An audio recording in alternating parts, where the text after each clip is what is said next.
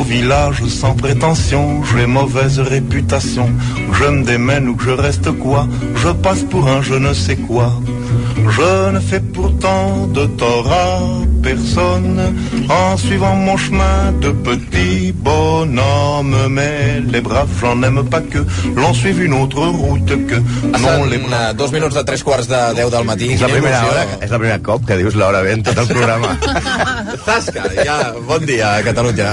Què tal, Santi Jiménez? Molt bé, bon any a tothom, eh? Aixeca't ja te'n pots anar, gràcies. Uh, Malcom Otero, bon dia, com estàs? Què tal, bon dia? Dichosos los ojos, Malcolm. Sí. Molts dies, eh? Agafant vols uh, intempestius, has, uh, has trobat la clau de casa, vull dir, has sabut, Sí, sabut sí, obrir... hi havia el meu fill. Era, Jo no recordava si era arròs, moreno, No, pèl roig, no? era, era arròs, però ja no. Ja no sé, Què, cap a la vida. Aquí, aquí, cascareu avui, vull dir, aquí Bueno, buscareu casca- els draps bruts. No, la, la, la vida, la cara B d'una persona... Mira, em sap greu, eh, posar-lo com a execrable, perquè, Per què? perquè, home, estem parlant... És, perquè és un home admirable, és un Mm. home que... Segurament és la persona que ha fet més feliç a més gent durant, durant la, la seva vida, no? És la gent amb un art que segueix fent, no? Un home que, a més a més, va tenir una infància superdifícil, l'hagués signat Dickens, eh? Per alcohòlic, mare esquizofrènica, el posen en un orfenat i acaba sent un dels homes més rics del món i el tio que fa feliç a tothom. És Charles Chaplin. Però tots tenim una cara B i Charles Spencer Chaplin no és una excepció. Se li podria retreure que era un home avariciós, que era molt gelós, especialment amb els seus companys de professió, sinó que li pregunten a Buster Keaton, o que va ser el primer a donar de menjar a la premsa del cor, o que va treure de Pujaguera a un, tot un Premi Nobel de Literatura. A veure, també és veritat que dins de tot el que m'heu portat fins ara de currículums tampoc no n'hi ha Tampoc és el pitjor, no és veritat. És... No, no, és veritat, és veritat. El que passa és que Chaplin tenia un greu problema que li va portar molts maldecaps. Un problema que està situat concretament a la bragueta. Vinga, ja hi som. bon any a tothom. Chaplin. Chaplin era un tigre. No. era, era un tigre. No, Era un Chaplin tigre. no Tenia un tigre a la bragueta Ai, ai, i les ai. seves peces de casa eren, diguem-ne, de casa menor. Sempre... No! Sí, sí, sí.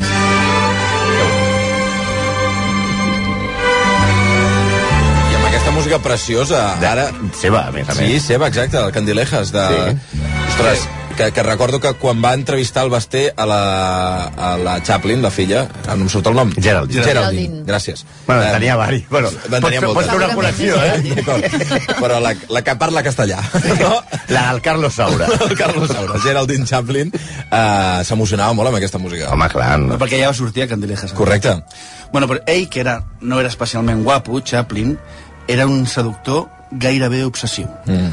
Ell mateix reconeixia que s'havia llitat amb unes 2.000 dones. Va, va. Això diu ella, ell, eh? Rotllo George Clooney, eh? Cosa que no està malament, però que la va, perquè la va portar pel pedregar.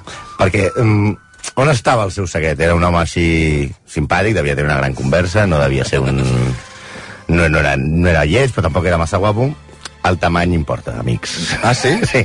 Sí, la seva fama el precedia. Tenia... Oi, l'any per favor, que lleig, que és això?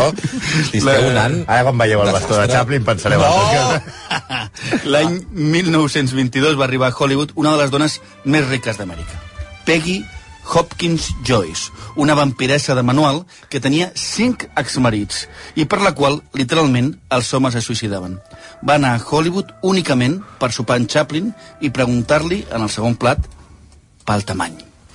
I va, menys mal que li va... Perdona, en el segon plat li va dir, escolta... Sí, perquè el primer queda amb l'educació. Com la tens? Charles, com... Sí, el primer- És, és veritat o no? Sí, sí, Li això va és dir això, no? sí, sí, És veritat o no?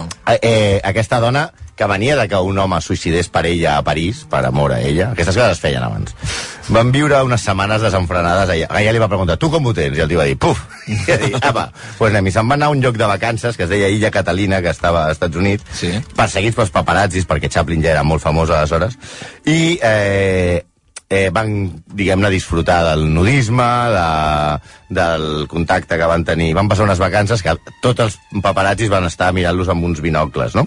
Eh, des d'aquell dia, a les, als bocs, als, a les cabres de la illa, Sí. els hi deien Chaplins.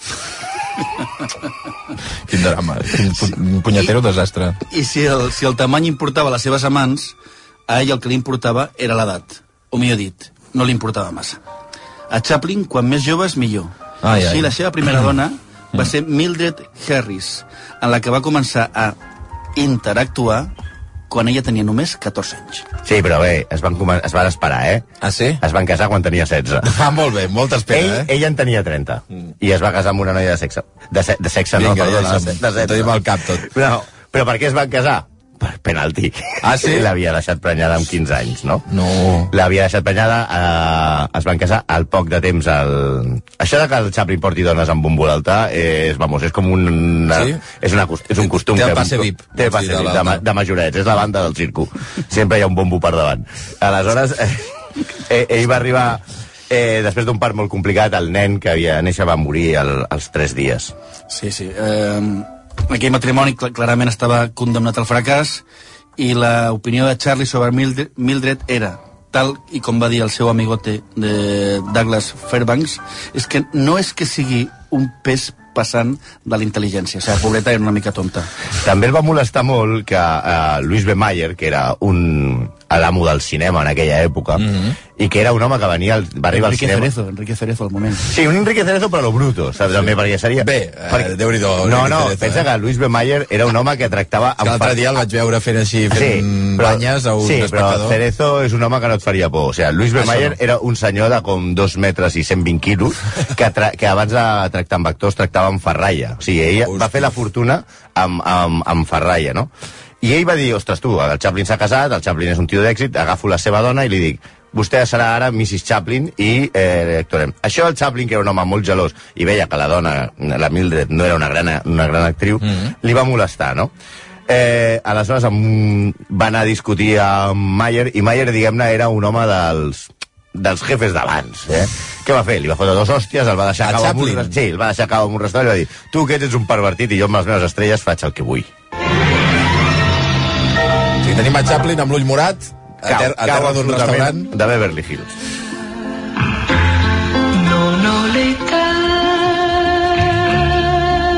Per amarti. Aquesta magnífica cançó. Magnífica. Sí. De, No, no vull dir que no tinc l'edat per amar-te. Una, Sí, sí. una, una cosa que se Però- diu bastant a la seva biografia. A veure, val, m'heu dit eh, 14 i es va esperar a casar-se amb 16. Però on es va superar el nostre heroi va ser en el seu següent matrimoni Mm. amb Lita Gray, nom artístic de Lilita McMurray. Sí. Aquesta la va conèixer amb 7 anys. No, home, no. Sí. Va, tu. No, home, Sí, no. a veure. No, home, no. Ja ratlla- Chaplin anava a, a, una, a, a una cafeteria on anaven molts, act, molts actors i molts actrius de Hollywood i hi havia una nena que servia que era la filla d'una de les cambreres. De seguida, uh, Chaplin es va quedar...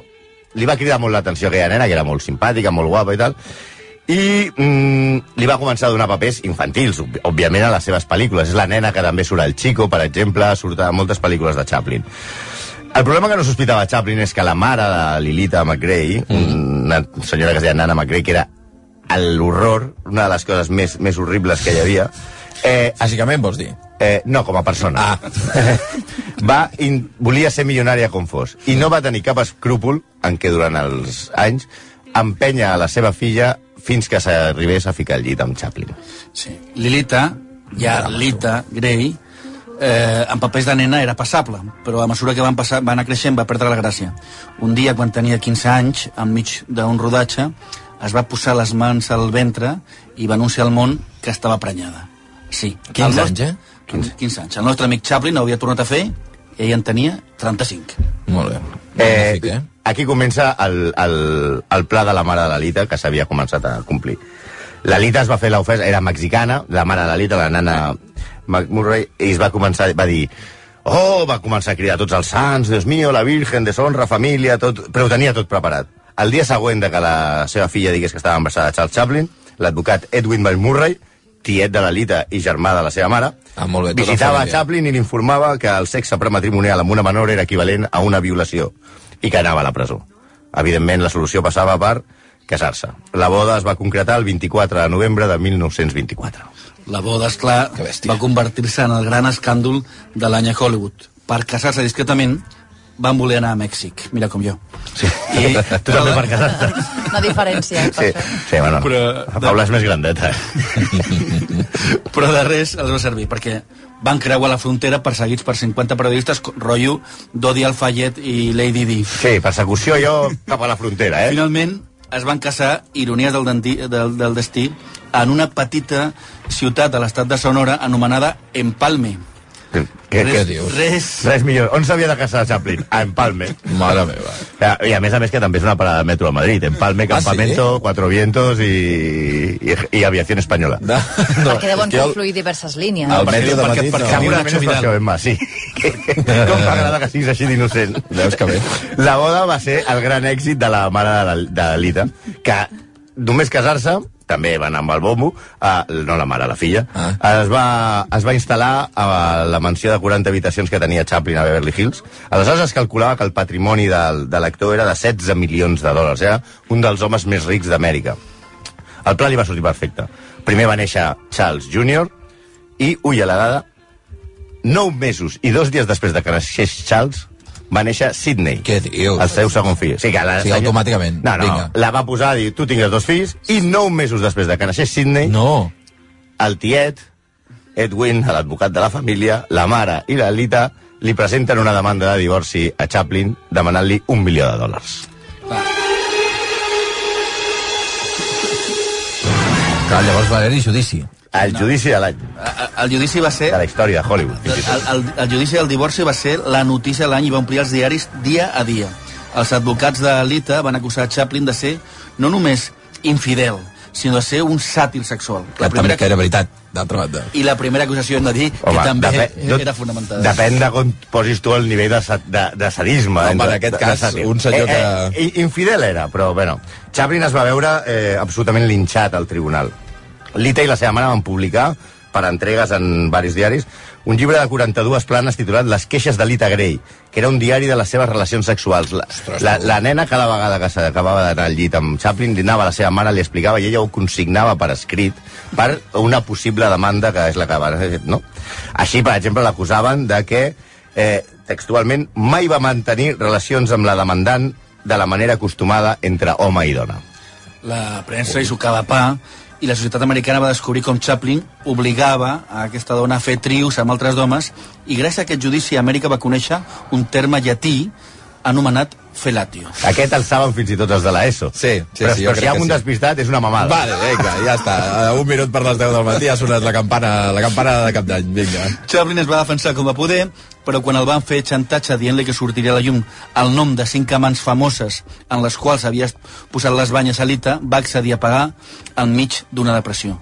Quan va acabar el judici, tenia els cabells absolutament blancs. El tenien absolutament enxampat, a Chaplin. No podia dir amb quines dones s'havia anat al llit. Mm -hmm. I tot de- arrenca d'un succés que va passar dos anys abans.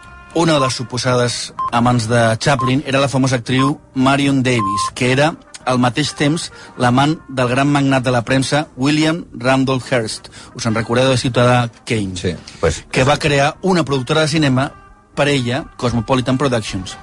Davis reconeixia que el seu secret era un 5% de talent i un 95% de publicitat. Quin tipus de talent? No ho sabem. S'ha de dir que també Hearst i Chaplin tenien coses en comú, que els agradava la carn poc feta, també. Eh? Va. Hearst tenia 72 anys en aquella època i Marion Davis només 27. Oh, oh Hearst, sí. Hearst, que sospitava de Davis, li feia el salt amb el Chaplin... Que esa que era va, certa. Va preparar una trampa als dos. Va fer una festassa al seu iot, el Oneida, 60 metres de vaixell que havia estat propietat, de, propietat del Kaiser. Al mig del mar i en la festa tota pastilla, Davis es va, es va escaquejar al saló amb Chaplin. Hearst va agafar el revòlver en l'empunyadura de brillants que sempre portava i va baixar a coberta disposat a matar en Chaplin. Arriba, dispara, i Sí. fidel a la seva famosa punteria, ella la rajava de que podia matar gavines des de la coberta del llot mig borratxo, va fotre un tret al cap a qui es pensava que era Chaplin. Però no era Chaplin. Oh. Era Thomas Innes, un famós productor de pel·lícules de l'Oest que també estava a la festa. Què va passar? Els diaris de Hearst, que tenia tots els diaris dels Estats Units en aquella època, van publicar que Innes va morir d'una indigestió. Aquí pau i després glòria. Home, clar, era el jefe del diari, ves? En aquell vaixell també hi anava Luella Parsons. Aquest personatge és molt important, recordeu, és que la Carmela Marchante d'aquesta història. Una periodista del cor que ho va veure tot. Parsons era tan mala persona que faria que els de Sálvame guanyéssim el Pulitzer cada any. Luella va jurar lleialtat a Hearst a canvi del seu silenci i escriuria el seu dictat als seus diaris de per vida. Chaplin es va salvar del tret, però mai de Parsons, que el va massacrar i li va treure tots els seus escàndols. No només el va crucificar pel cas de la Lita. Quan una altra dona anomenada Jane Berry el va tornar a acusar d'haver-la deixat prenyada, no la va deixar prenyada, però sí que havia estat la seva amant, mm. i el va assetjar en plan atracció fatal, la premsa, dirigida per Luella Parsons i tots els diaris de Hearst, es van posar a favor de Jim Berry. Arran del cas Berry, Chaplin va ser detingut per l'FBI i va anar al judici. Altre cop. Un altre cop, sí. Hosti, noi. El Comitè d'Activitats Antiamericanes el va posar al punt de mira i el van acusar d'antipatriota americà. Doncs mai va voler ser fer-se americà i renunciar a la seva nacionalitat britànica. Una altra vegada, Chaplin accepta les costes que li demanen per la nena i Mhm. paga onerosament a la boja de la mare, que fins i tot s'havia presentat a casa seva amb una pistola el dia de Nadal. Noi, les pistoles anaven que volaven en aquella època, veig. Ah, és als Estats Units. Estats eh? Units Bueno, encara eh, va, això. no- Tampoc ha canviat massa la cosa, eh? I el més fort de tot això és que les proves de paternitat que li havien fet van dir que la filla de John Berry Mm. no eren no era de Charles Chaplin. Tot i així, el jutge el va condemnar per antipatriota americà. Tampoc va ajudar massa que per aquell temps Chaplin estigués a punt de casar-se amb una O'Neill, filla del Premi Nobel i quatre vegades guanyador del Pulitzer Eugene O'Neill, que va desaprovar la relació. Una tenia 17 anys, un altre cop, i Chaplin 54. Es va el mirar. currículum és sí, bueno, eh? El no...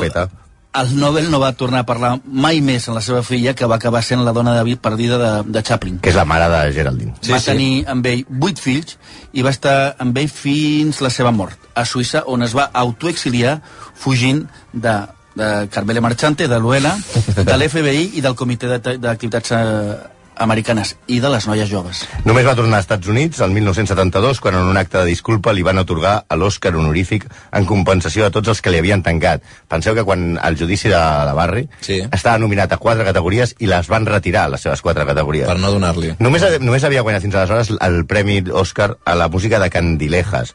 Penseu que Stallone té quatre Oscars més Com? que... que... Stallone té quatre Stallone i Chaplin són els únics que estan, han estat nominats a millor guió, direcció, música i actor principal. Eh, i que és per Rocky i Stallone i Chaplin per Candilejas. Eh, Chaplin només va guanyar la música per Candilejas. Al moment de rebre l'estàtua de Chaplin, ja molt gran, amb 82 anys, si el podeu el busqueu a YouTube, és la més gran ovació i un dels moments més emocionants de la història del cinema. Sí, Hollywood li demanava perdó, però ni mort va poder descansar. Va morir el dia de Nadal de 1977 i al març el seu cadàver va ser robat del cementiri de Bebe, Suïssa, i van demanar 600.000 dòlars de rescat.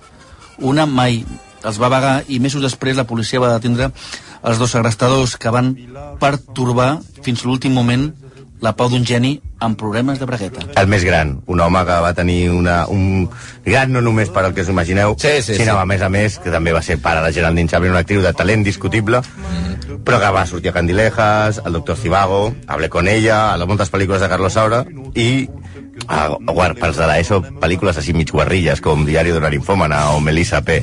I sobretot no hem d'oblidar, Chaplin va treure de polleguera no només a Eugene O'Neill, sinó a Adolf Hitler. Sí, sí, correcte, amb el gran dictador.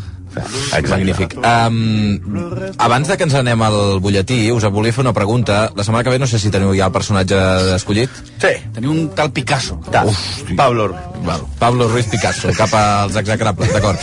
Uh, a partir de les 11 del matí... Un espasa, també. Exacte.